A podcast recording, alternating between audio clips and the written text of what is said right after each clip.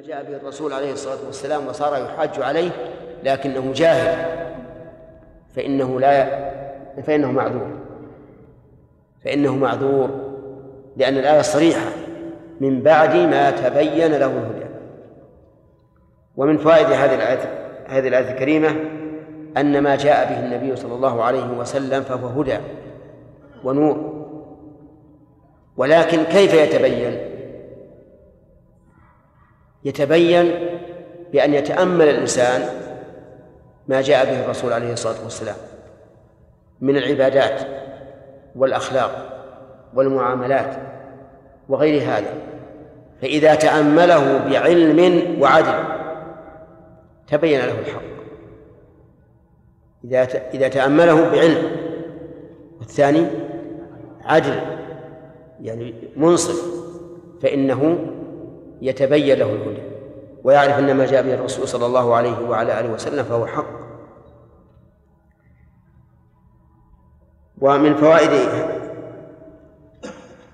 هذه الآية أنه مع التردد لا تقوم الحجة.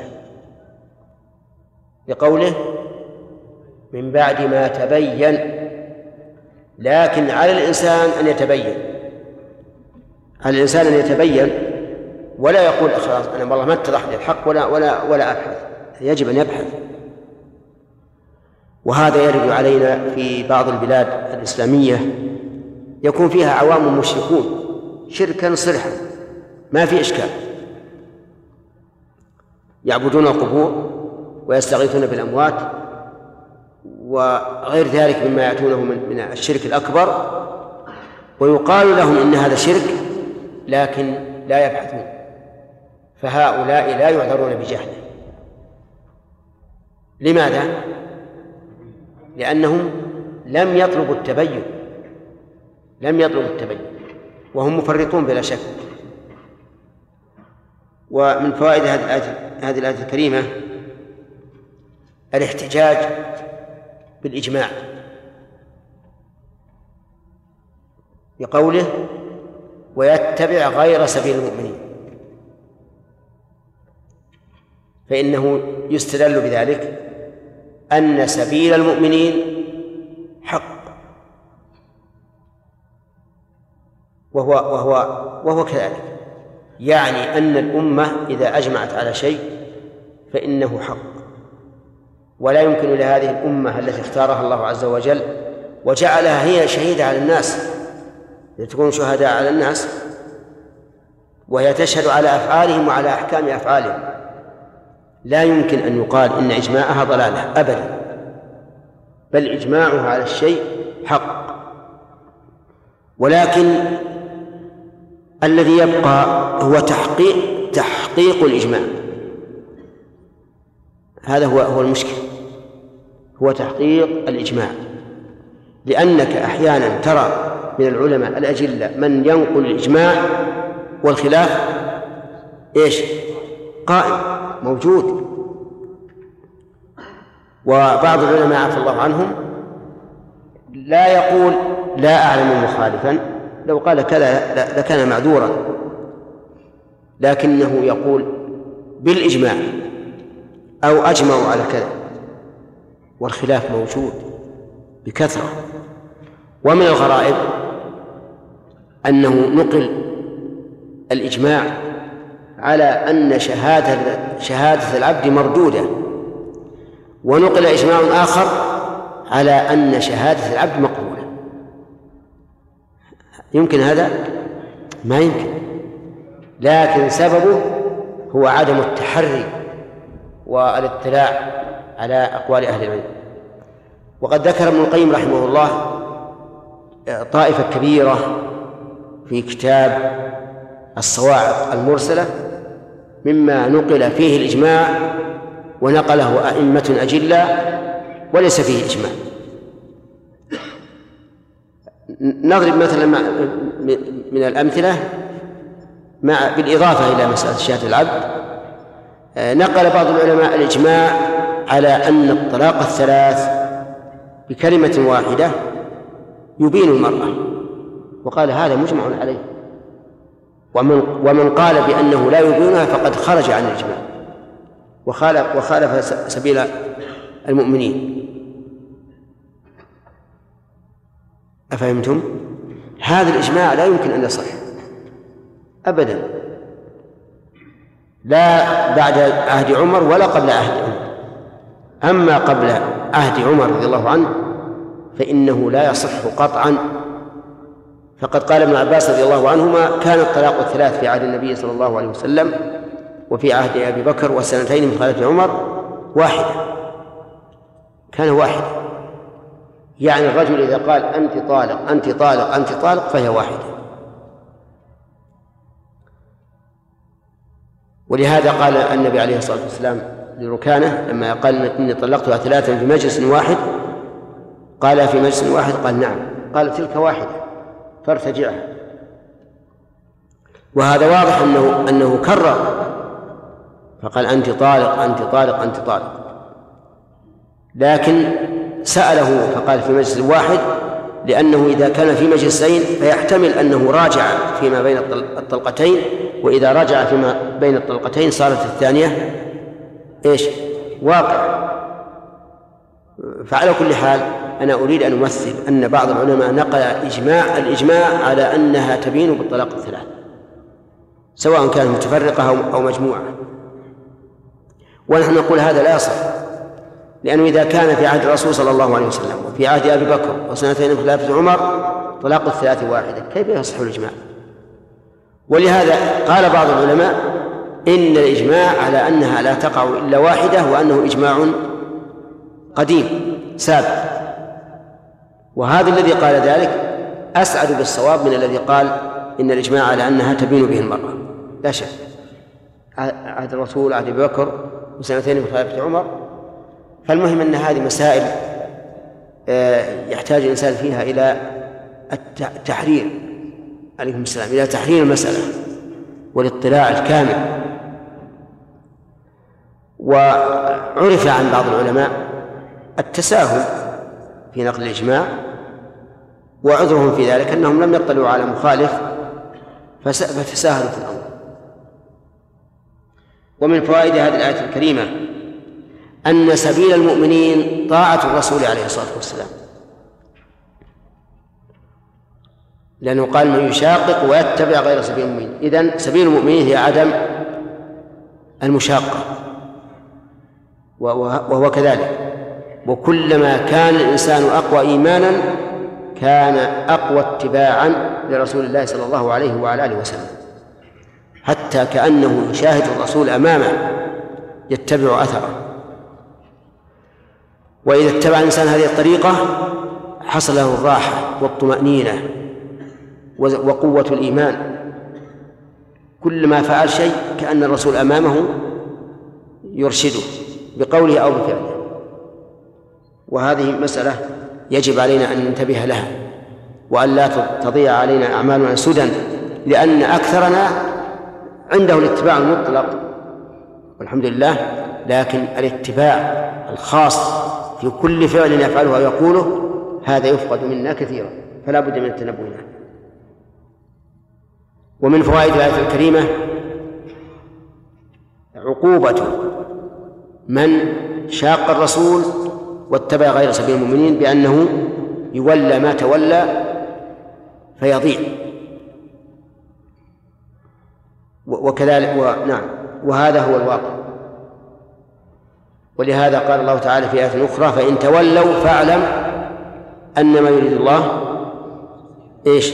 أن يصيبهم ببعض ذنوبهم. فالذنب سبب للذنب الآخر. وكلما أذن الإنسان ذنبا فليتهيأ لذنب آخر عقوبة له إلا أن يتوب. ومن فوائد الآية الكريمة إثبات النار والعذاب بها لقوله ونصله جهنم وساءت مصيرا والسؤال عن هذه النار أعاذنا الله وإياكم منها هل هي الآن موجودة؟ الجواب. وهل هي مؤبدة؟ نعم. هذا الذي عليه أهل السنة والجماعة. ولم يعرف لأحد في ذلك خلاف إلا أقوال إلا أقوال شاذة لا عبرة بها. لأن الله صرح بتأبيدها في آية ثلاث من القرآن الكريم وهي قوله تعالى إن الذين كفروا وظلموا ولم يكن الله ليغفر لهم ولا ليهديهم طريقا إلا طريق جهنم خالدين فيها أبدا. وقوله تعالى إن الله لعن الكافرين وأعد لهم سعيرا خالدين فيها أبدا. وقوله تعالى ومن يعص الله ورسوله فإن له نار جهنم خالد خالدين فيها أبدا. أعاذنا الله وإياكم منها. ومن فوائد هذه الآية الكريمة ثناء الله بالذم والقدح على النار بقوله وساءت مصيرا وصدق الله عز وجل. فإن أسوأ مصير يصير إلى الإنسان أن يصير إلى إلى النار. اللهم احفظنا. نعم. نعم. إن شر عند الله الذين لا يعقلون ولو علم الله فيهم خيرا لأسمعهم ولو أسمعهم لتولوا وهم معرضون نعم. ما يشكل عليها شيء لا ما تشكل على هذا. هذه الآية من المتشابه والآية الأخرى واضحة صريحة. المعنى لو علم الله فيهم خيرا لأسمعهم أي سماعا ينتفعون به. لكن مع ذلك لو أسمعهم سماعا ينتفعون به فإن ما في قلوبهم من الزيغ لا يقوون معه على الاتباع.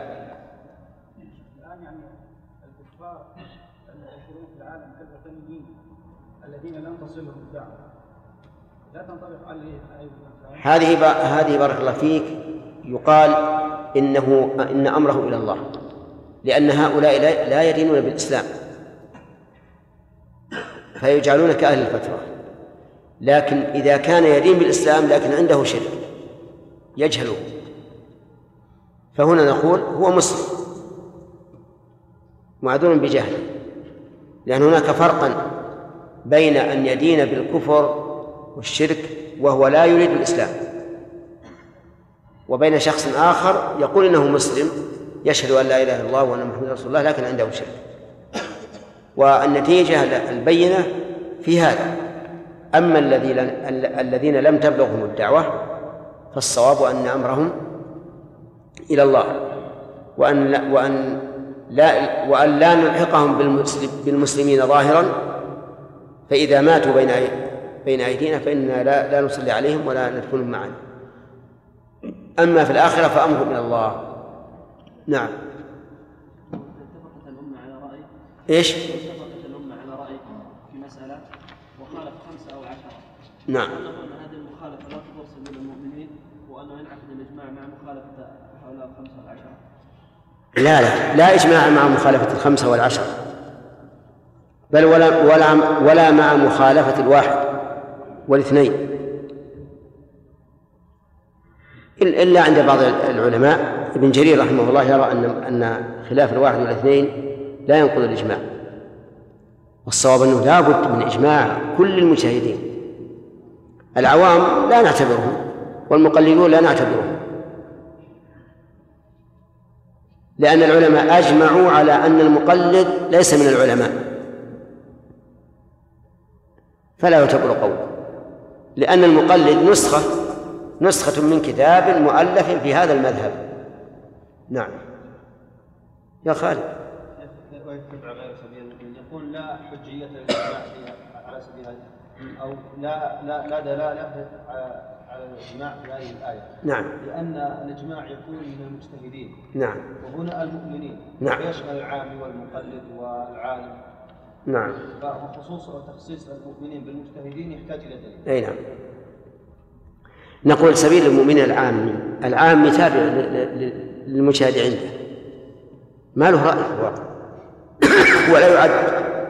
ولذلك تجد العام في بلده يتبع العالم الذي في بلده حتى إنه قبل أن يوجد يعني الاتصال التام الآن بين الناس إذا قيل مثلا في, في الرياض قال الشيخ في الرياض كذا وكذا. ثم قيل وقال الشيخ في في في بلد آخر كذا وكذا. ما يعتبرون القول الثاني. لأن العام مع شيخ مع شيخ بلد. نعم. نعم.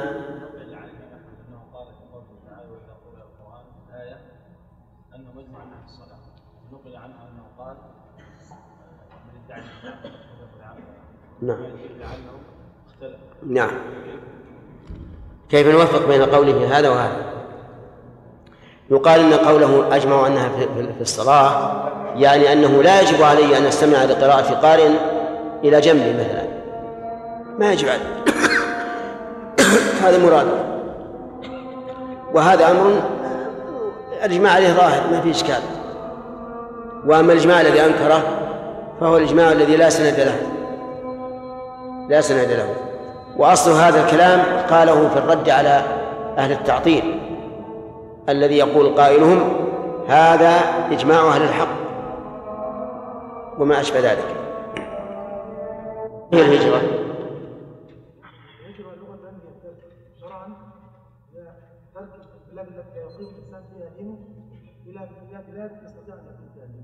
أحسنت. طيب أحسنت. آه، يهاجر. لماذا لم تكن يهاجر؟ نعم.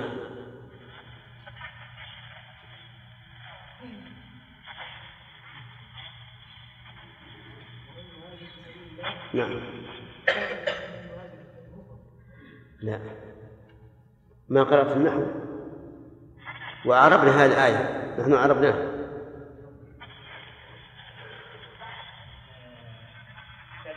فعل الشر لأن من شرطية تجري فهي فعل الشر نعم. اقرأ. وإذا كنت فيه. في الطائفة الثانية وليأخذوا حذرهم وأسلحتهم ولم يذكر الحذر في الطائفة الأولى.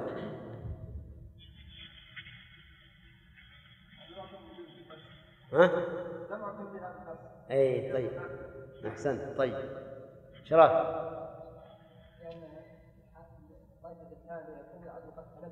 نعم. وربما هاجرهم ويصلون أمر الله أحسنت. الطائفة الثانية سيكون العدو قد تنبه فربما يكروا عليه. فلهذا قال ولا يأخذوا حذرهم وأسلحتهم. طيب. هذه الصفة من الصفات. خرجت عن المألوف في الصلوات. من كم وجه؟ شرافي آه.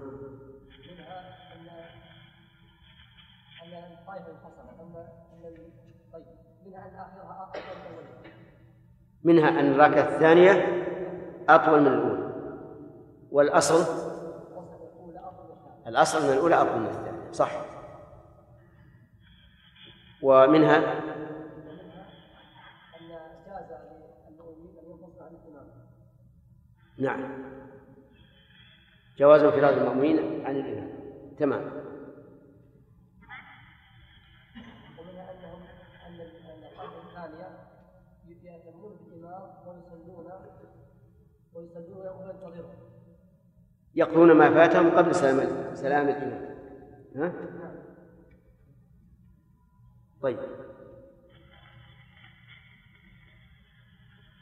أي الطائفتين كانت مع الإمام؟ نعم. آدم. أي الطائفتين كانت مع الإمام؟ الأولى أو الثانية؟ الثانية الثانية. الدليل؟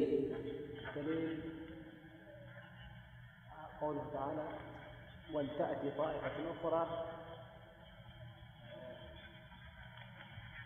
لم يصلوا فليصلوا معه فليصلوا معه والأولى ماذا قال؟ والأولى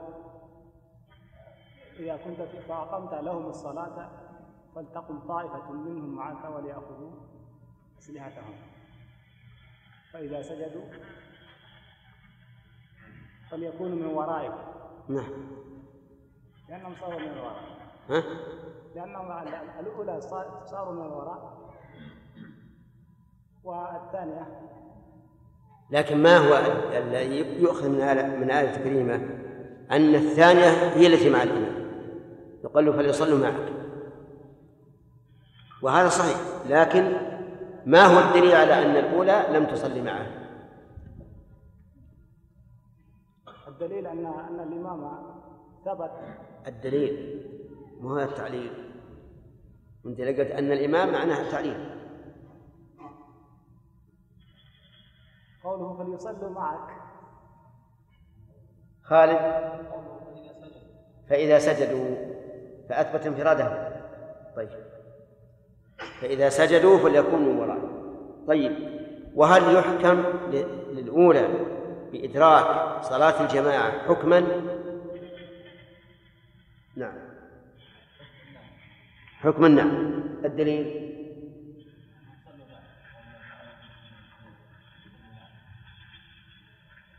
يمكن قال فإذا سجدوا. إيه الطائفة الأولى. حكما.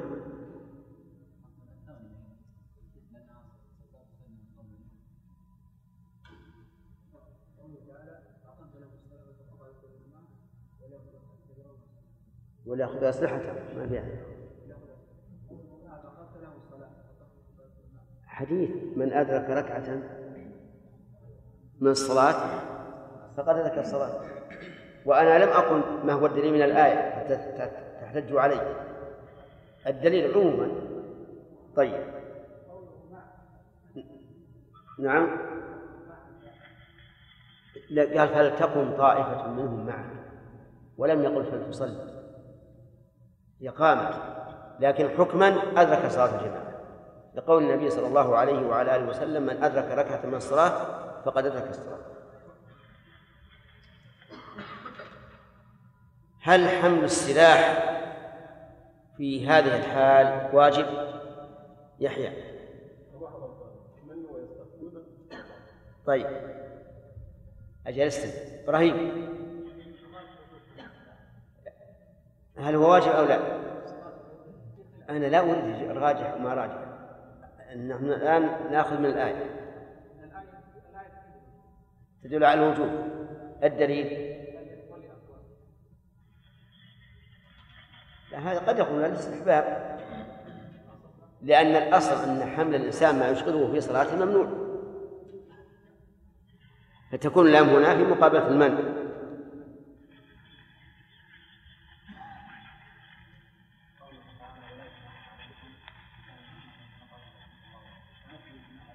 اصبر كمل. طيب أحسنت. من قوله تعالى ولا جناح عليكم إن كان بكم أذى من مطر أو كنتم مرضى أن تضعوا أسلحة. فمفهوم الآية الكريمة إذا لم يكن هذه الحال فعليكم الجناح طيب. يرى بعض العلماء جواز حمل السلاح النجس في هذه الحال للضرورة. نعم. هذا خارج عن مدلول الآية لأن الآية ما فيها ذكر لهذا. وهذا هو الأقرب. أن أنه يجوز أن يحمل السلاح النجس للضرورة.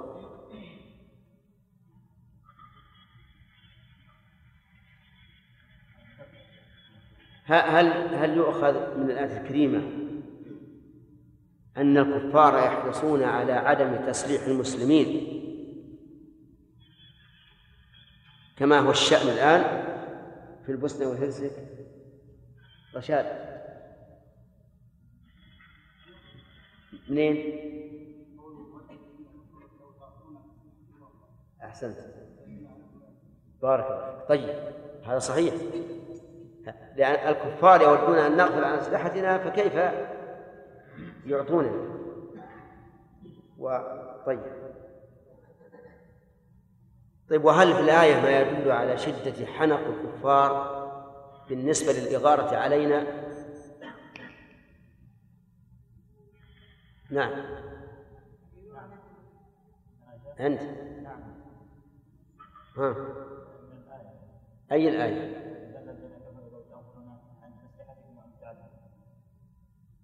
لا.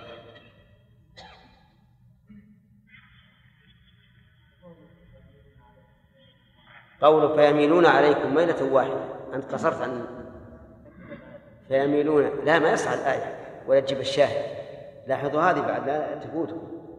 يعني واحد يقول يطلب منه حكم معين ثم يذكر أول الآية ولا يذكر ما يدل على الحكم المعين هذا ما يعتبر لا يعتبر شيئا هنا إيه، قوله ميلة واحدة أي مجهزة تقضي عليه نعم. أي نعم. الشاهد قول فيميلون ميل ميلة واحدة تدل على الحنق وشدة الغيظ وأنهم يقبلون بقوة. نعم. يحيى اقرأ. فإذا قد فإذا قد الصلاة.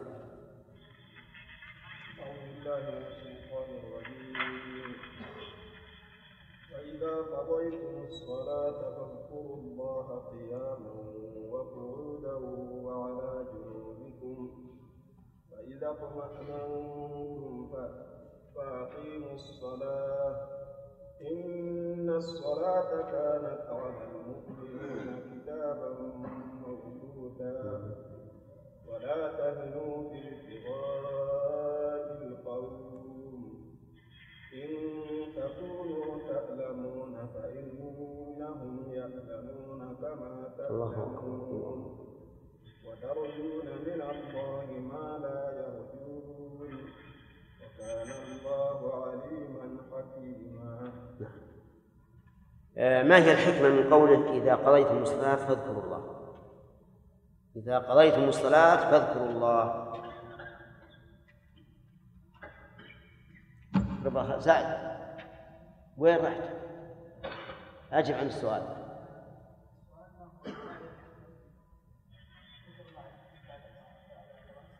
ما الحكمة من الأمر بذكره بعد الفراغ من الصلاة؟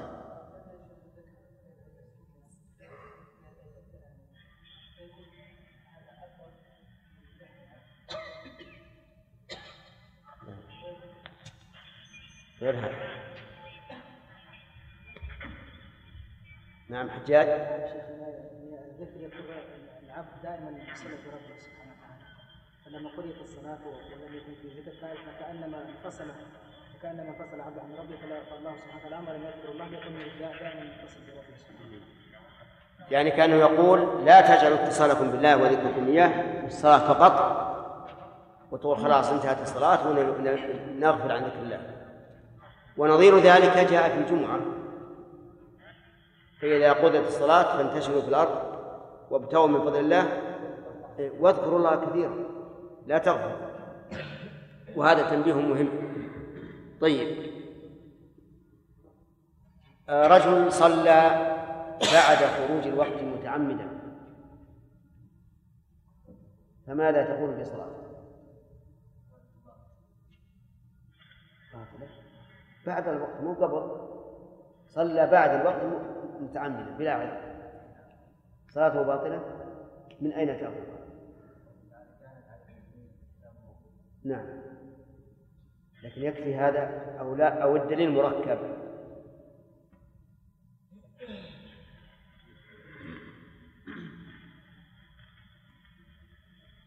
ولا بد من دليل يعضد هذا مركب معه. نعم. أي هذا استدل به. لكن قلنا لابد أن يضاف إلى هذا دليل آخر. نعم. هذه الآية مع قول النبي صلى الله عليه وسلم من عمل عملا ليس عليه أمرنا فهو أحسنت. يدل على البطلان هذه الآية بالانضمام إلى قول النبي صلى الله عليه وعلى آله وسلم من عمل عملا ليس عليه أمرنا فهو رد. لأن هذا الذي ترك الصلاة حتى خرج وقتها عمل عملا ليس عليه أمر الله ورسوله بل عليه نهي الله ورسوله. فتكون صلاته باطلة. وهل هذا من باب الرحمة به أو من باب العقوبة؟ الأخ. نعم.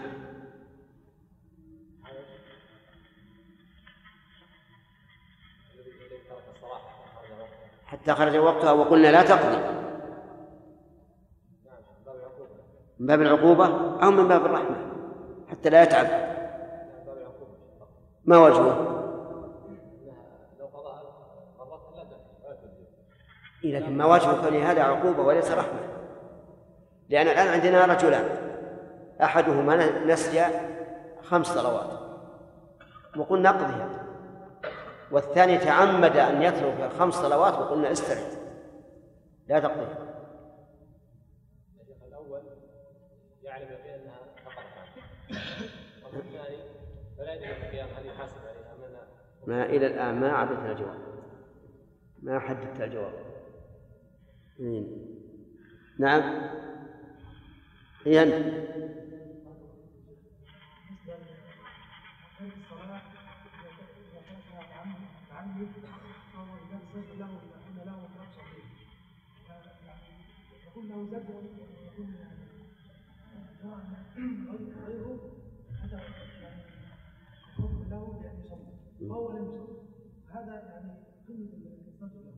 إيه.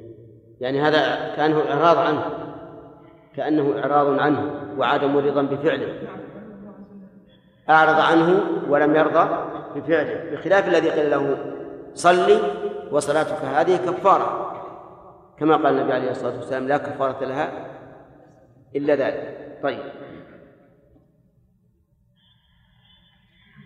هل عدم المحافظة على الوقت ينافي كمال الإيمان؟ خالد. الدليل من الآية. قوله كانت على المؤمن كتابا موقوتا والمؤمن سوف يحافظ على هذا الكتاب الموقوت. آه، ما الحكمة من هذه الآية التي بعدها؟ ولا تهنوا في ابتغاء القوم إلى آخره. يعني ما المراد بها؟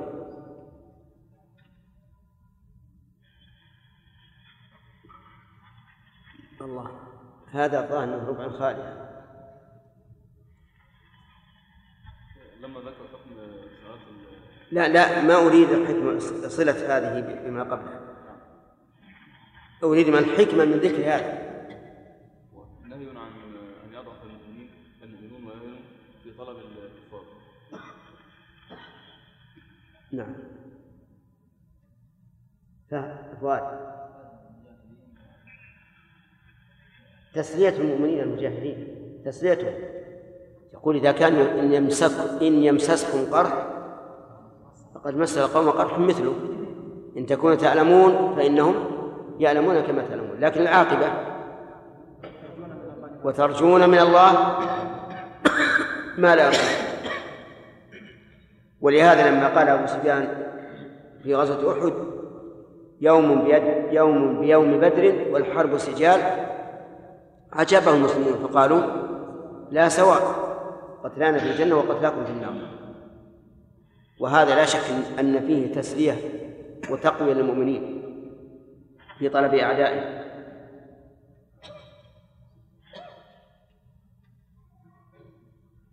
في الآية إشارة إلى أنه لا يشهد للشهيد بأنه في الجنة.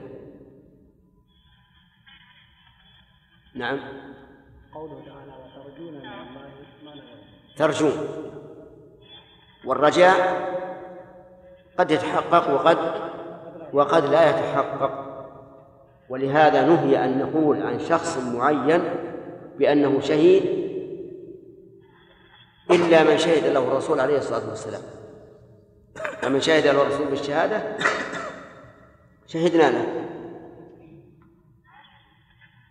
وكذلك من شهد له القرآن كما في غزوة أحد حيث قال الله عز وجل ويتخذ منكم شهداء. في حديث أحد لما صعد النبي صلى الله عليه وعلى آله وسلم الجبل وارتجف وارتجف بهم ومعه أبو بكر وعمر وعثمان قال اثبت أحد فإنما عليك نبي وصديق وشهيدان يعني أصناف الخلق الأربعة وجد منهم على هذا الجبل كم صنفا؟ ثلاثة. نبي وصديق وشهيدان الآن نحن نشهد أن عمر شهيد وأن عثمان شهيد. ونشهد أيضا أن ثابت بن قيس رضي الله عنه شهيد. لأن لأن الرسول قال له تعيش حميدا وتقتل شهيدا وتدخل الجنة. في قصة معروفة. وهي لما نزل قول الله تعالى يا أيها الذين آمنوا لا ترفعوا أصواتكم فوق صوت النبي ولا تجهروا له بالقول كجهر بعضكم لبعض أن تحبط أعمالكم وأنتم لا تشعرون. كان هو رضي الله عنه قوي الصوت. جهوري الصوت ولهذا كان خطيبا وشاعرا للرسول عليه الصلاة والسلام. جمع بين الخطاب والشعر. فاختفى في بيته. يبكي. خاف أن يحبط عمله وهو لا يشعر. رضي الله عنه. لكن والله ما خاف العقاب إلا من يأمنه. من خاف من العقاب الله أمنه الله منه ففقده النبي عليه الصلاة والسلام فسأل عنه فقيل له إنه كان في بيته وأرسل إليه وأخبر بالسبب قال إن الله يقول يا أيها الذين آمنوا لا ترفعوا أصواتكم فوق صوت النبي ولا ولا تجهروا له بالقول كجهر بعضكم لبعض أن تحبط أعمالكم وأنتم لا تشعرون. وإني يا رسول الله أخاف أن يحبط عملي وأنا لا أشعر. فقال له بل تعيش حميدا وتقتل شهيدا وتدخل الجنة. فعاش حميدا وقتل شهيدا ونشهد أنه سيدخل الجنة رضي الله عنه. وفي قتله قصة غريبة. لما قتل رضي الله عنه مر به أحد الجنود فأخذ درعه الذي كان عليه. أخذه له. وكان في طرف الجيش. فوضعه تحت برمة. أتعرفون البرمة؟ قدر من الفخار. قدر من الفخار من الطين المشوي يكون الحجري. فوضع الدرع تحتها. فرأى أحد أصحاب ثابت ثابتا في المنام. وقال له إن فلانا أو رجلا نسيت. هل عين الرجل أو قال رجلا؟ مر بي وأخذ الدرع ووضعه تحت برمة في طرف الجيش وعنده فرس يستن. وأخبر خالدا بأني أوصي بكذا وكذا فليبلغ ذلك أبا بكر. فلما أصبح الرجل جاء إلى خالد بن الوليد رضي الله عنه وأخبره بالخبر. فذهبوا إلى الجهة التي قالها وإذا بالدرع تحت البرمة وعنده فرس يستن فأخذه. وبلغ بلغت وصيته أبا بكر فأنفذها. قال العلماء ولا يوجد أحد نفذت وصيته بعد موته إلا ثابت بن قيس. أوصى بعد موته ونفذت. فالحاصل أن أننا لا نشهد لأحد بالشهادة إلا من شهد له الرسول عليه الصلاة والسلام. ورد ثبت عن النبي عليه الصلاة والسلام أن الحريق شهيد وأن الغريق شهيد وأن المبطون شهيد وأن المطعون شهيد وأن من مات بهدم شهيد. فهل إذا مات أحد بهذه الأسباب نقول هو شهيد؟ بعينه؟ لا. لكن نرجو أن يكون شهيدا. وذلك لأن لأن المظهر قد يكون على خلاف المخبر. قد يكون على خلاف المخبر. لكن نقول نرجو أن يكون الله أن يكون من الشهداء. والحمد لله. شهادتنا لا يتوقف عليها كونه شهيدا إن كان من الشهداء. أليس كذلك؟ وعدم شهادتنا لا يمنع أن يكون شهيدا إن كان من الشهداء. لكن يكفينا أن نرجو أن يكون من الشهداء. طيب. يستن الفرس إذا إذا كان واقفا على ثلاث قوائم يقال إنه يستن. نعم. إنا أنزلنا إلى الكتاب سمع نعم.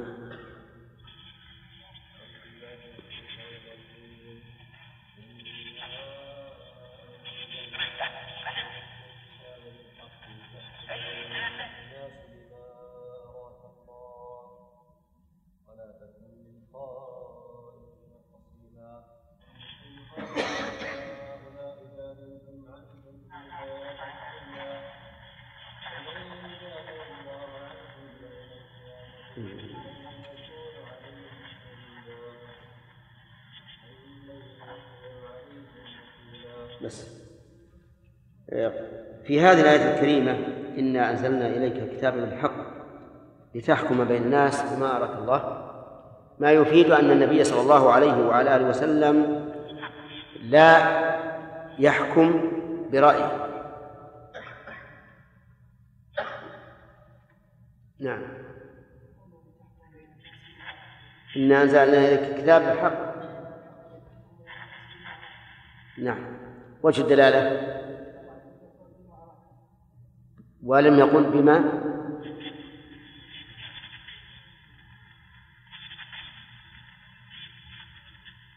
سلم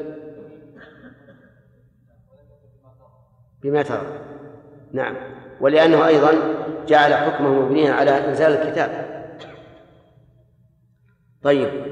ويدل هذا ويدل لهذا الأمر الواقع. فقد أذن النبي صلى الله عليه وعلى آله وسلم لمن أذن له من المنافقين وقال الله له عفى الله عنك لما أذنت لهم حتى يتبين لك الذين صدقوا وتعلم الكاذبين. لكن الله قال ذلك له بهذا العتاب اللطيف حيث قدم العفو على المؤاخذة أو على المعاتبة. كل هذا احتراما للرسول عليه الصلاة والسلام. ونظير ذلك قوله عبس وتولى أن جاءه الأعمى وما يدريك لعله يزكى ولم يقل عبست كراهة أن يخاطبه بهذا الأمر الذي يلام عليه. نسأل الله أن يجعلنا وإياكم من المعظمين له ولرسوله. طيب. قوله ولا تكن للخائنين خصيما. هل يفيد أن هذا واقع منه؟ فنهي عنه. جمال. لا يفيد ذلك. ليش؟ ولا تكن الخائن خصيما.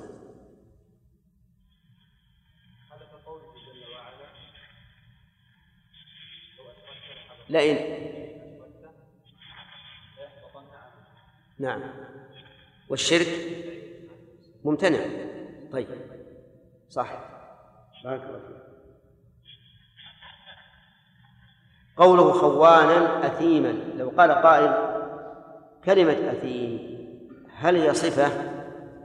صفة قيد أو صفة كشف؟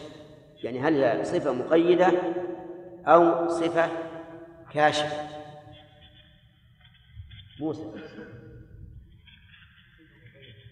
مقيد لأن الخوان قد لا يأثم. يأثم؟ إذا كان مقيدة معناه أن الخوان ينقسم إلى قسمين أثيم وغير أثيم كاشف. توافقون على هذا؟ نعم هي صفة كاشف. لأن كل خوان فإنه أثيم فإنه آثم. طيب. آه نظير هذا في الصفة الكاشفة. قول الله تبارك وتعالى يا أيها الذين آمنوا استجيبوا لله والرسول إذا دعاكم لما يحييكم ولا يدعون إلا لما يحييكم وكذلك قوله تعالى يا أيها الناس اعبدوا ربكم الذي خلقكم والذين من قبلكم فإن من المعلوم أننا لو جعلنا الذي خلقكم صفة قيد لكان هناك رب لم يخلقنا وليس كذلك بل هذا صفة كاشفة. والصفة الكاشفة تكون في الغالب بيانا للواقع أو تعليلا للحكم. بيانا للواقع أو تعليلا للحكم. نعم. هذا هو الغالب. ما هي القصة التي تشير إليها هذه الآيات؟ يستخفون من الناس ولا يستخفون من الله إلى آخره نعم. عبيد الله.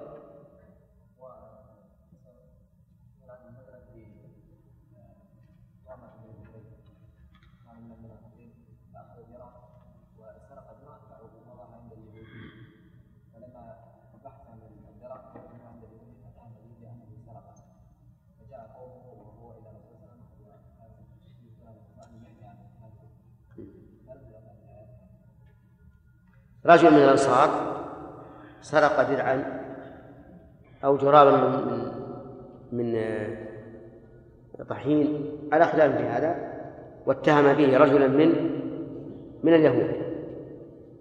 والرجل كان بريئا فأراد قومه من النبي عليه الصلاة والسلام أن يجادل عنه ليدفع هذه التهمة التي هي مسبة لهؤلاء القوم. فأنزل الله هذه الآيات. يستفاد من هذه الآيات من هذه الآيات عدل الإسلام. وأنه مبني على العدل. وجه ذلك ظاهر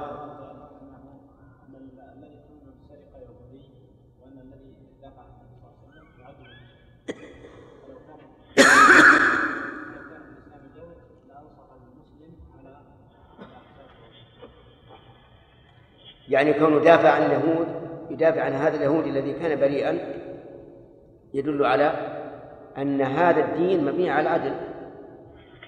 وهو كذلك. إن الله يأمر بالعدل والإحسان وإيتاء ذي القربى. نكمل. درس جديد. إيه طيب.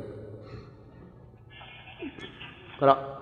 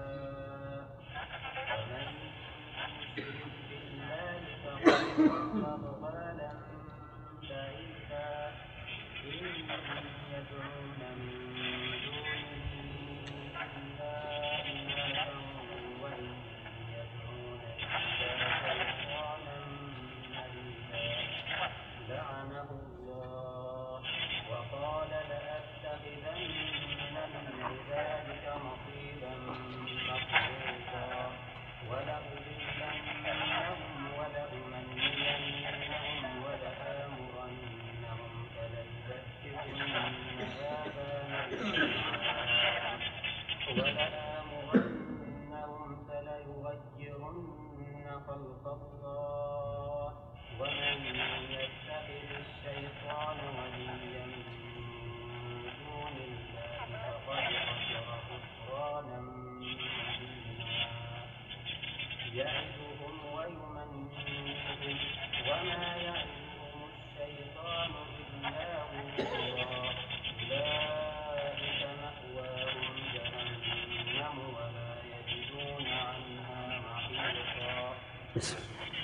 أعوذ بالله من الشيطان الرجيم. قال الله تبارك وتعالى إن الله لا يغفر أن يشرك به. وقد سبق الكلام على قوله تعالى ومن يشاقق الرسول إلى آخره. وأخذنا فوائدها. أليس كذلك؟ آه، نناقش فيها. أولا أين جواب الشرط في قوله ومن يشاقق الرسول من بعد ما تبين له الهدى. يحيى؟ قول نولي. لو قال لك قائل جواب الشرط يكون مجزوما وهذا غير مجزوم. مجزوم؟ بماذا؟ بحذف حرف العلة أحسنت. ما معنى قوله نوله ما تولى؟ طاهر.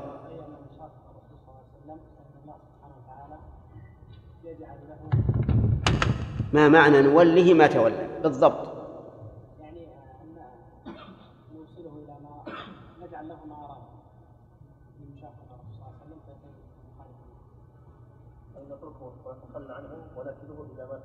تمام صح. يعني نتخلى عنه ونكله إلى ما إلى ما تولاه أو من تولاه. نعم. قوله ساءت مصيرا. ما الذي نصب مصيرا؟ سعد نعم. ما الذي نصبه؟ ها؟ نعم. مصيرا منصوبة. ما الذي نصبها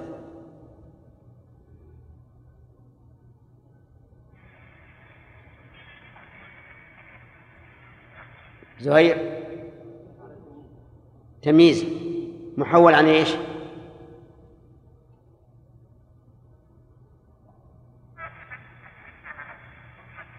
عبيد. خطأ. متعب. الفاعل. والأصل ساءت مصيره. طيب. هل في الآية دليل على العذر بالجهل. عبد الحميد. السؤال ما أقول وين الدليل. فيها دليل على العذر بالجهل؟ من من أين يؤخذ؟ من بعد ما تبين له الهدى. ففهم منها؟ فليس عليه عقاب وهذا يقتضي العذر بالجهل طيب. هل التفريق بين الأصول والفروع في العذر بالجهل له وجه أو لا؟ ليس له وجه نعم. مطلقا. طيب. آه، أرأيت لو وجد إنسان مسلم ينتمي للإسلام يصوم ويص- ويصلي ويتصدق لكنه يدعو غير الله؟ ظنا منه أن ذلك جائز وأنه من باب التوسل إلى الله تعالى. ما تقول فيه؟ ليس عليه ليش؟ لأنه لم يتبين له هذا لأنه لم يتبين له الهدى. إذا هو معذور بجهل. طيب أرأيت يا شراف لو قيل لهذا الرجل إن عملك هذا شرك وقال هذا وجدت عليه آبائي ولا أتحول عنه؟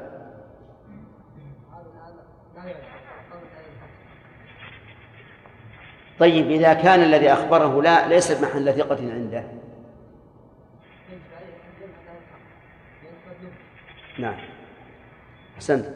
يعني قد يقول العامي أنا لا أثق بك. هو يفعل هذا ويراه علماؤه ولا يقول له شيئا فأنا لا أثق. نقول إذن يجب عليه إيش؟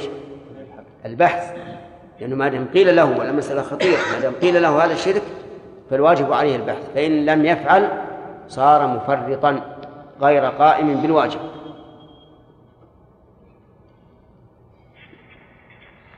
هنا أضاف السبيل إلى المؤمنين وفي بعض الآيات يضيف السبيل إلى الله إليه نفسه.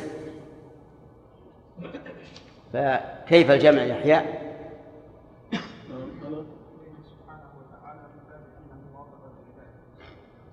نعم. صحيح. أضيف إلى الله لأنه هو الذي وضعه للعباد وشرعه لهم ولأنه موصل إليه يعني لوجهين أنه هو الذي وضعه للعباد وشرعه وأنه سبحانه وتعالى وأن هذا موصل إلى الله. وأما إضافته إلى المؤمنين فلأنه إيش؟ فلأنهم هم السالكون له. طيب. قال الله تعالى إن الله لا يغفر أن يشرك به ويغفر ما دون ذلك لمن يشاء. سبق الكلام على هذه الآية تماما. وكررها الله عز وجل. كررها مرتين في هذه السورة. وكان بين الآ- الآيتين ذكر القتل. قتل النفس. وقد مر علينا أن أن أهل العلم قالوا إن قاتل النفس له توبة. واستدلوا لذلك بأن الله ذكر قتل النفس بين آيتين كلتاهما تدل على أن ما سوى الشرك فالله تعالى يغفره. وس- وسبق ال- القول في فيما دون ذلك. هل المراد ما دونه أي ما هو أقل أو ما سوى ذلك؟ نعم. ما سوى ذلك؟ طيب. ما هو ما سوى ذلك؟ يعني ما هو أقل ولا ولا المعنى ما سوى ذلك؟ طيب ما يخالف. فؤاد وش. ما الذي يترتب على ذلك؟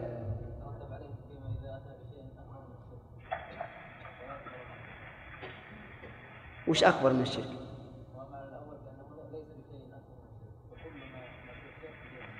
فإذا قلنا ما ما دون ذلك أي ما سواه دخل فيه الكفر الذي ليس بشرك. وإذا قلنا ما ما دون ذلك أي ما هو أقل خرج به. إيش؟ خرج به الصغائر اللي دون الشرك. يعني نعم لا دخل فيه الصغائر اللي دون الشرك وخرج به الكبائر من الكفر وغيره المهم أنها أن نقول ما دون ذلك أي ما سواه أو ما هو أقل. نقول ما هو أقل. لأنك لو قلت ما سوى ذلك لكان الكفر تحت المشيئة إذا لم يكن شركا وليس كذلك بل المراد ما دون الشرك هل في الآية ما يدل على أن الشرك ولو كان أصغر لا يغفر؟ نعم من أين يؤخذ؟ من أنك إذا أولت أن يشرك به إلى المصدر صار التركيب إن الله لا يغفر شركا به وإذا كان كذلك فهو نكر في سياق النفي فيكون للعموم ولهذا قال الشيخ الإسلام ابن تيمية رحمه الله الشرك لا يغفر ولو كان أصغر. وربما يستدل لذلك بقول ابن مسعود رضي الله عنه لأن أحلف بالله كاذبا أحب إلي من أن أحلف بغيره صادقا. فجعل سيئة الشرك أعظم من سيئة آه، اليمين الكاذبة. وقوله ومن يشرك بالله فقد ضل ضلالا بعيدا وفي الآية الأولى فقد افترى إثما عظيما. فيؤخذ من من من مجموع الآيتين أن المشرك مفتر ضال وهو كذلك لأن دعواه أن الله شريكا هذا كذب وافتراء عظيم. وكونه يبني على هذه على هذه الدعوة أن يشرك بالله يكون هذا ضلالا فمجرد قوله إن الله له شريك افتراء. ثم تطبيق ذلك في عمله يعتبر ضلالا فيؤخذ من من الآيتين الكريمتين أن المشرك مفتر ضال. وقوله بعيدا لعظم إثمه وذنبه. ثم قال إن يدعون من دونه إلا إناثا وإن يدعون إلا شيطانا مريدا. إن هنا بمعنى ما. وعلامة ذلك أي علامة كون إن بمعنى ما أن تأتي بعدها إلا. هذه العلامة على أنها تكون بمعنى ما. إن هذا إلا سحر. المعنى ما هذا؟ إن هذا إلا ملك كريم. المعنى ما هذا إلا ملك كريم. إن أنت إلا نذير. أي ما أنت إلا نذير. فإن تأتي بمعنى ما وعلامتها إيش؟ أن يأتي بعدها إلا. كما أن إن لها معاني متعددة ولا ما ولا مانع أن نسوقها الآن ليعرفها إخواننا الذين لم يسبق لهم فيها علم. تأتي نافية وتأتي مخففة من الثقيلة مثبتة. عكس النافية تأتي مخففة من الثقيلة مثبتة لأن المخففة من الثقيلة تفيد التوكيد. إذ أنها هي إن لكن خففت. فتكون إيش؟ للتوكيد. عكس إن لأنها للنفي قال الشاعر وإن مالك كانت كرام المعادن. وإن مالك كانت كرام المعادن يفتخر بقومه ويقول وإن مالك كانت كرام المعادن أي وإن مالكا كانت كرام المعادن وقال تعالى وإن كانوا من قبل لفي ضلال مبين. إن كانوا بمعنى إن بمعنى إن. طيب أين اسم أين اسمها؟ اسمها يقولون إنه ضمير الشان محذوف كلما جاءت. والتقدير؟ وإنه أي الشأن أو وإنهم أي القوم. يعني بعضهم يقول لا نقدر ضمير الشأن نقدر ضميرا مناسبا للسياق. فإذا كانوا جماعة قلنا التقدير إنهم ولا مانع. طيب على كل حال هذه إن مخففة من الثقيلة وهي على العكس من إن النافية لأنها للإثبات وتوكيد الإثبات بخلاف إن النافية. تأتي إن شرطية. وهي كثير. مثل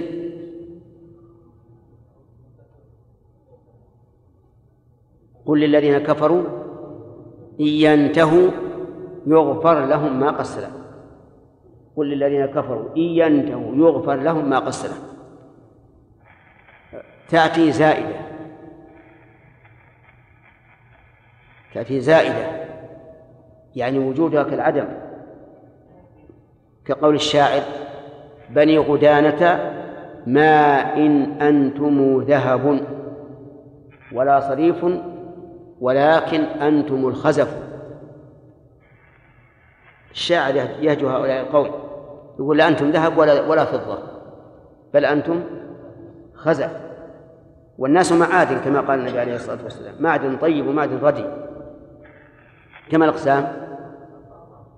الأقسام أربعة. أربعة. عد الخمسة. نافية. نعم. وزائدة.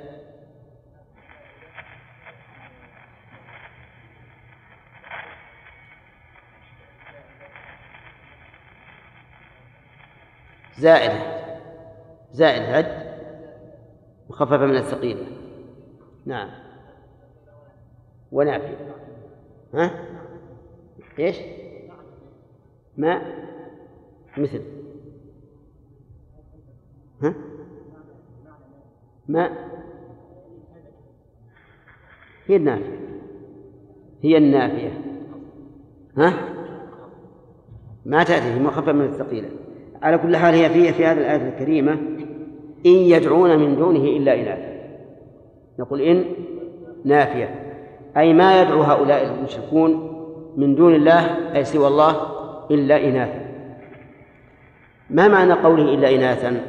قيل إن أسماء هذه الأصنام أسماء إناث اللات العزى منات. نعم. هذه كلها أسماء إناث والمؤنث دون المذكر. لا في قوته ولا في مرتبته ولا في مقامه ولا في كل شيء. وللرجال عليهن درجة. وقيل المعنى إن يدعون من دونه إلا إناثا أي إن يدعون إلا شيئا مثل الإناث لا يدفع عن نفسه فكيف يدفع عن غيره وعلى هذا القول يدخل في ذلك الأصنام المذكرة مثل هبل هبل مذكر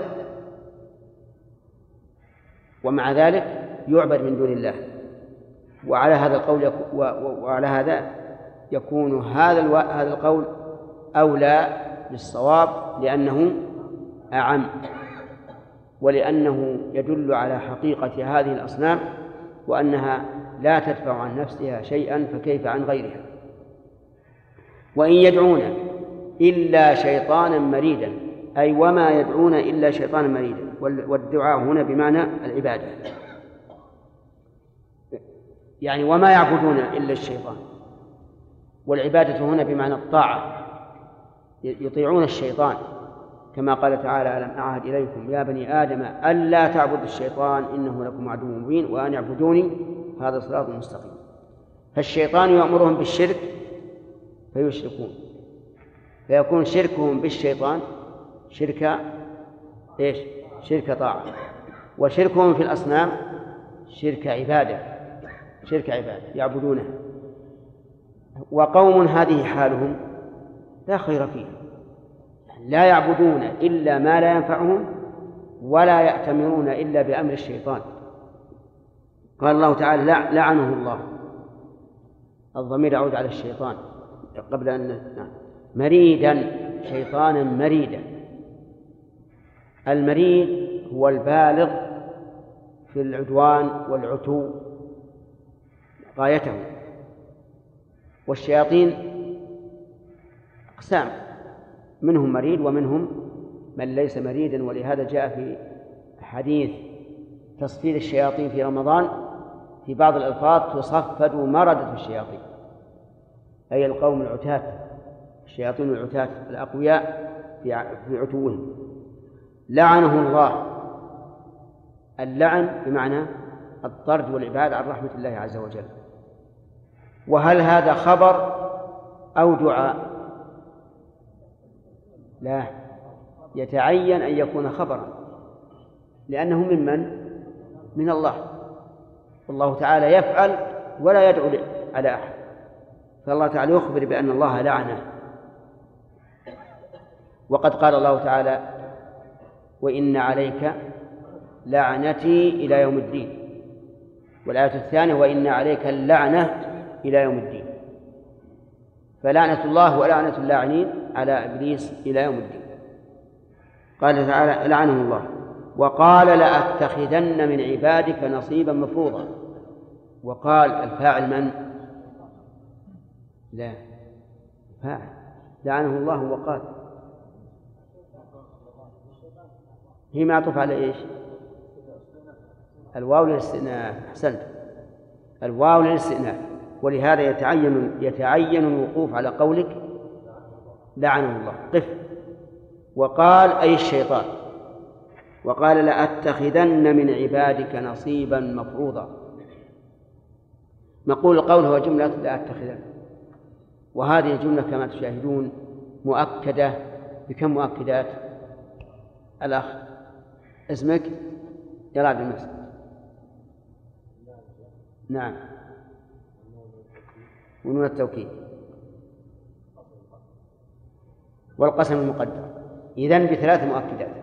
قال يعني لله لأتخذن من عبادك نصيبا مفروضا. نصيبا مفروض أتخذ. المعنى أتخذهم أولياء. أتولاهم ويتولوني. والنصيب الجزء من الشيء. فما هذا النصيب؟ هذا النصيب أكبر بكثير من النصيب السالم. لأن النبي صلى الله عليه وعلى آله وسلم أخبر أن الله يقول يوم القيامة يا آدم فيقول لبيك وسعديك فيقول أخرج من ذريتك بعثا إلى النار فيقول يا ربي وما بعث النار؟ قال من كل ألف تسعمائة وتسعة وتسعين لكن يجب أن نعلم أن الشيطان لم يقل لأتخذن من بني آدم. قال من عبادك وعبادك إيش؟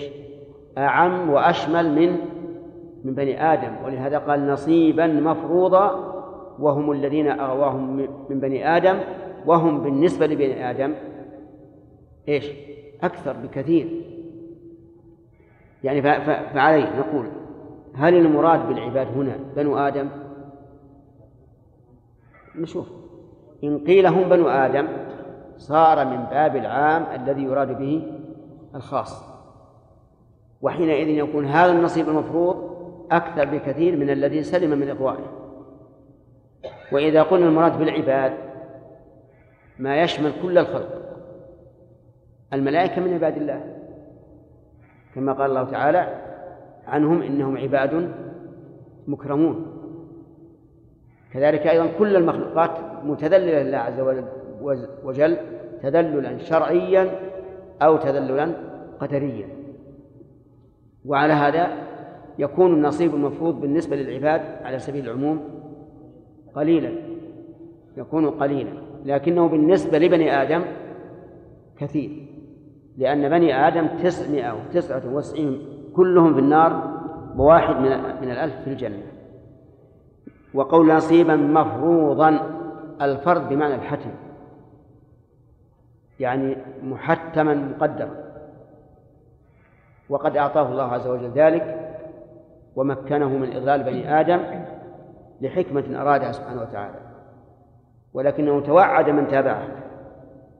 فقال لأملأن جهنم منك وممن تبعك منهم أجمعين. ولأضلنهم. يتخذهم أولياء يتولاهم ويتولونه ويضلهم أيضا. عن إيش؟ عن صراط الله عز وجل. سواء من من هذه الأمة أو من غيرها. والجملة هنا مؤكدة بما أكدت به الجملة قبلها أي بثلاثة مؤكدات ولأضلنهم أي عن الصراط المستقيم. ولآمرن ولأمنينهم يعني أعدهم بالأمان أعدهم بالأمان وفعلا وقع هذا لآدم حيث قال له الشيطان هل أدلك على شجرة الخلد؟ إيش؟ وملك لا يبلى. وقاسمهما إني لكما لمن الناصحين فنسي آدم عليه الصلاة والسلام أن الله نهاه وقال لا تقرب هذه الشجرة لكن وعدهم بالأمان وقال أدلك على شجرة الخلد يعني على الشجرة التي إذا أكلتها إيش؟ تخلد. ويصير لك الملك الذي لا يبلى. فالشيطان إذا يمني بني آدم. يمنيه بعدة أماني. منها أنه يسهل عليه أمر المعصية. يقول هذه سهلة. هذه صغيرة. تقع مكفرة بالصلوات تقع مكفرة بالعمرة. وهكذا. وما علم المسكين الذي أضله الشيطان أن الصلوات والعمرة إلى العمرة وما أشبه ذلك مما يكفر من الذنوب لا بد أن تكون كاملة. ومن الذي يأتي بكمال الصلاة؟ أكثر الناس الآن صلواتهم تصل إلى حد إيش؟ الإجزاء. وعسى أن أن تصل إلى حد الإجزاء. كذلك أيضا يقول هذه سهلة. إن الله لا يغفر أن يشرك به. ويغفر ما دون ذلك لمن يشاء. يمنيه فيقول أنت لو فرض أنك مت على إصرار المعصية فلك أولاد صالحون يدعون لك. وإذا مات الإنسان انقطع عمله إلا من ثلاث. وهلم جرا المهم أنه يوقع الأمانية في نفوسهم بأشكال من بأشكال كثيرة. ولا ولا ولا آمرنهم فلا يبتكن آذان الأنعام آمرنهم أمرا صريحا مواجهة أو أمر وحي من داخل النفس. الثاني الثاني وربما يتصور الشيطان بصورة إنسي فيأمره أمرا صريحا. لكن الأصل أنه أمر داخل يأمره أن يفعل كذا وكذا. ولهذا قال فلا يبتكن آذان الأنعام. الفاء هذه عطف. وهي معطوفة على آمر. وسيأتي إن شاء الله في الفوائد أنها تدل على انقياد على تمام الانقياد من هؤلاء. فلا يبتكن آذان الأنعام ولا آمرنهم فلا يغيرن خلق الله يبتكن أي يقطعن. وإعراب يبتكن يقوم به خالد بن حامد.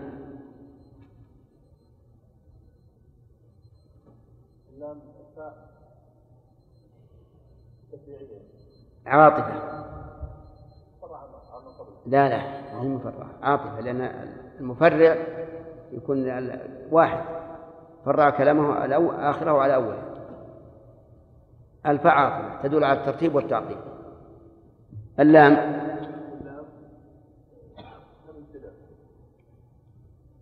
هي دخلت على المبتدأ حتى تكون لام ابتداء لام الابتداء التي تدخل على المبتدأ.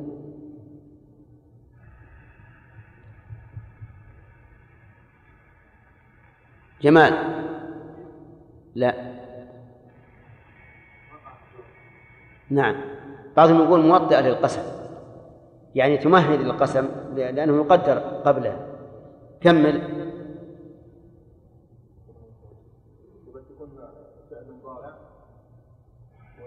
يبتكن كل فعل مضارع يبتك.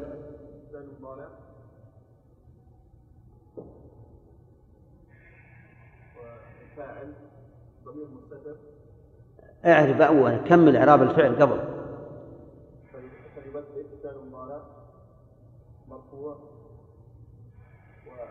وعلامة الرفع النون المحذوفة بتوالي الأمثال والنون التوكيد. طيب. لماذا لم يبنى الفعل مع أنه نون التوكيد؟ غير مباشر. إذا لابد تقدر النون المحذوفة لتولى الأمثال. ها والواو. والواو المحذوفة لالتقاء الساكنين ها وش؟ مفعول به. فاعل. طيب. والنون؟ لأنها موجودة. طيب. أصل أصل الكلمة هذه. فليبتكونن آذان العالم حذفت النون الأولى كراهة توالي الأمثال. ولم تحذف نون التوكيد لأنه أتي بها لعلامة. لو حذفت لفاتت هذه العلامة. ثم حذفت الواو لما حذفت النون الأولى التقت النون الثانية وأولها ساكن بالواو الساكنة. فالتقى ساكنان وابن مالك رحمه الله يقول إن ساكنان التقيا اكسر ما سبق وإن يكن لينا فحذفه استحق. وهنا الأول لين ولا غير؟ لين؟ لين. يعني أحد حروف العلة فيحذف. المعنى فلا يقط فلا يبتكن أي فلا يقطعن آذان الأنعام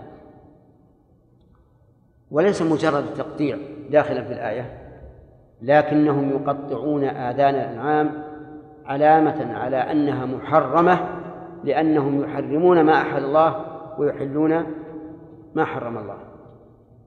فعندهم قواعد وضوابط معروفة قوانين قوانين وضعية ما هي شرعية. إذا ولدت البعير كذا وكذا بطنا خلاص يجب أن تطلقها. العلامة قطع الأذن.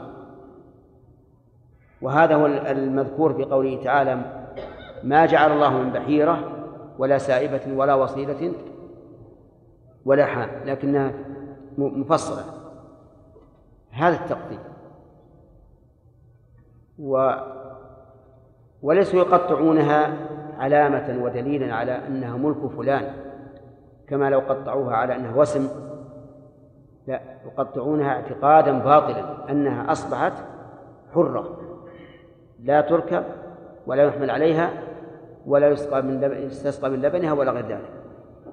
والأنعام جمع نعم كأسباب جمع سبب والنعم يطلق على ثلاثة أشياء الإبل والبقر والغنم.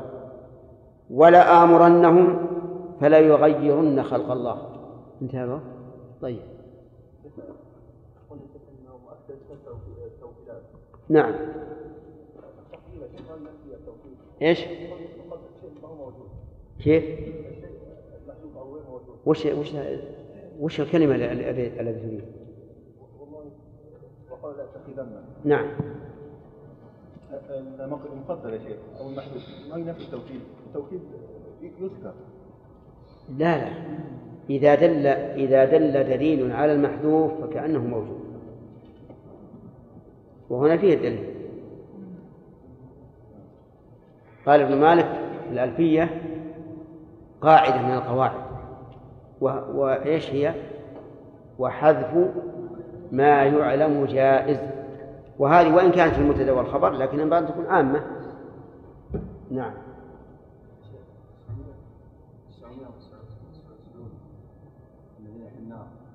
هذا فيشمل العصاة من المسلمين؟ أو بعد التأبيد لا هذا المراد التأبيد إيه، المراد بها ب 999 الذين يؤبدون في النار. نعم جمال. وبلاغون يقولون من الخبرية ما يصدق عليها الكذب أو الصدق هناك تحتمل الصدق هل هذا لا لذاته. لا بقطع النظر عن المخبر به. ولذلك قول مسيلمة إنه رسول هذا لا يحتمل الصدق. وقول محمد إنه رسول لا يحتمل الكذب.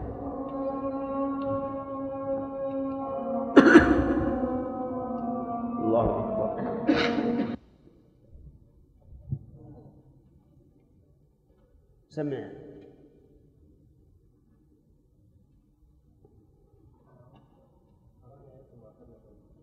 نعم. طيب. ما كملنا الآيات؟ شرح ما كملنا الشرح. وقفنا على ولا آمرنهم فليغيرن خلق الله. أعوذ بالله من الشيطان الرجيم. قال الله تبارك وتعالى ولآمرنهم فلا يغيرن خلق الله. هذا معطوف على على ما سبق. على قول لا أتخذن من عبادك نصيبا مفروضا إلى قوله ولا آمرنهم يعني أن الشيطان يأمر عباد الله عز وجل أن يغيروا خلق الله. فما المراد بخلق الله؟ هل المراد به الفطرة التي فطر الناس عليها؟ فيكون المعنى أنه يغير فطرة الخلق من التوحيد إلى الشرك ومن اليقين إلى الشك. كما قال الله تبارك وتعالى فأقم وجهك للدين حنيفا فطرة الله التي فطر الناس عليها لا تبديل إيش؟ لخلق الله. أو المراد بتغيير خلق الله الوشم والوشر وما والنمص وما أشبه ذلك. قولان للعلماء. والصواب أنه الصواب أنه شامل. بناء على قاعدة التفسير المشهورة أنه متى ذكر في الآية قولان لا تضاد بينهما والآية تحتملهما وجب حملها على المعنيين جميعا. وعلى هذا فهو يأمرهم أن يغيروا خلق الله الذي هو الفطرة التي فطر الناس عليها وخلق الله التغيير الحسي بالتفليج والوشم والوشر وغير ذلك. لأن هذا أعم. وقال الله تعالى ومن يتخذ الشيطان وليا من دون الله فقد خسر خسرانا مبينا. صدق الله. من يتخذ الشيطان أي يجعله وليا أي متولى أي يتولى الشيطان من دون الله فقد خسر خسرانا مبينا. وتولي الشيطان يكون بطاعته. فمن أطاع الشيطان وعصى الرحمن فقد خسر خسرانا مبينا والخسران ضد الربح. بل إن الخاسر هو الذي لم يحصل ولا على رأس ماله فهو لم يربح بل خسر. وقوله مبينا مشتقة من أبان فهي مشتقة من فعل الرباعي. وأصلها مبين لكن نقلت حركة الياء للساكن الصحيح قبلها ونقل السكون الذي ما عاد قبلها إليها فصارت مبينا. قلت إنها من من من أبان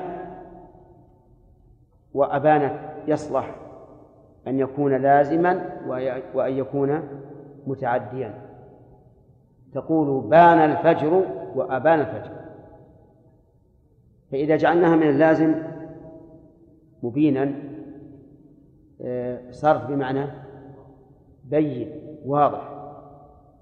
وإذا جعلناها من المتعدي أبان الشيء يعني أظهره صار المعنى أنه خسارة تظهر خسارة تظهر ذلك في في من خسر وتتضح.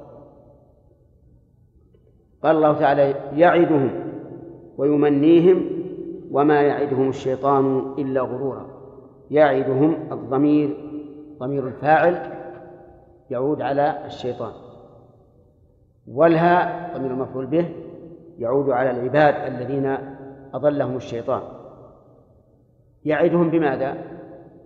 يعدهم بأشياء يتمنونها ويرجونها فيتبعونها فمثل يقول له افعل هذه المعصية. وتب إلى الله. افعل هذه المعصية وهي صغيرة. افعل هذه المعصية ولك كذا وكذا. كما قال لآدم هل أدلك على شجرة الخلد وملك لا يبلى؟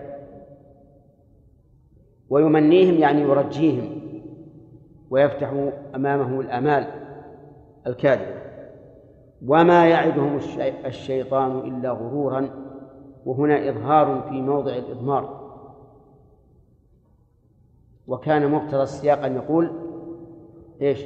وما يعدهم إلا غرورا. لكنه أظهر في مقام الإضمار لإظهار عداوته. كما قال تعالى إن الشيطان لكم عدو فاتخذوه عدوا. وقوله إلا غرورا يعني إلا خداعا وباطلا.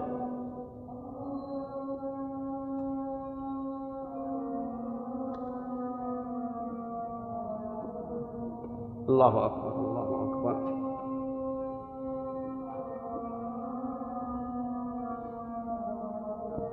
بسم الله.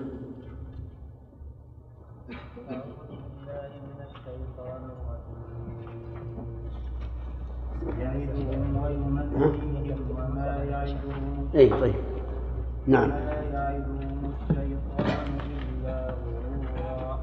أولئك مأواهم جهنم ولا يجدون عنها محيصا والذين آمنوا وعملوا الصالحات سندخل سندخلهم جنات تجري من تحتها الأنهار.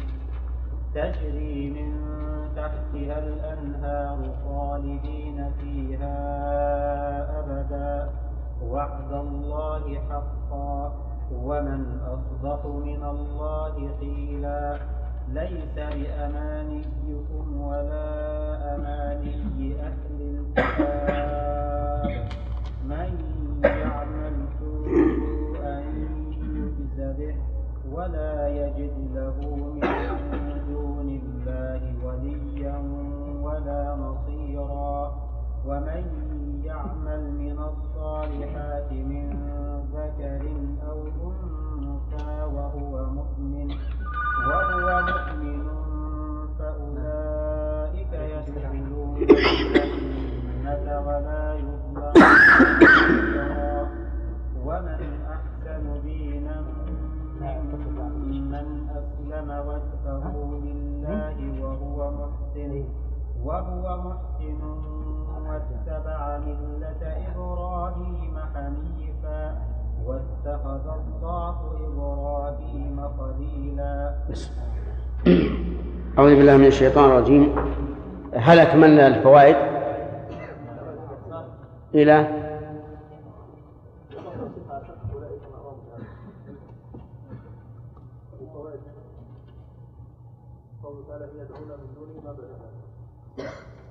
نعم. قوله تعالى إن يدعون من دونه الا اناثا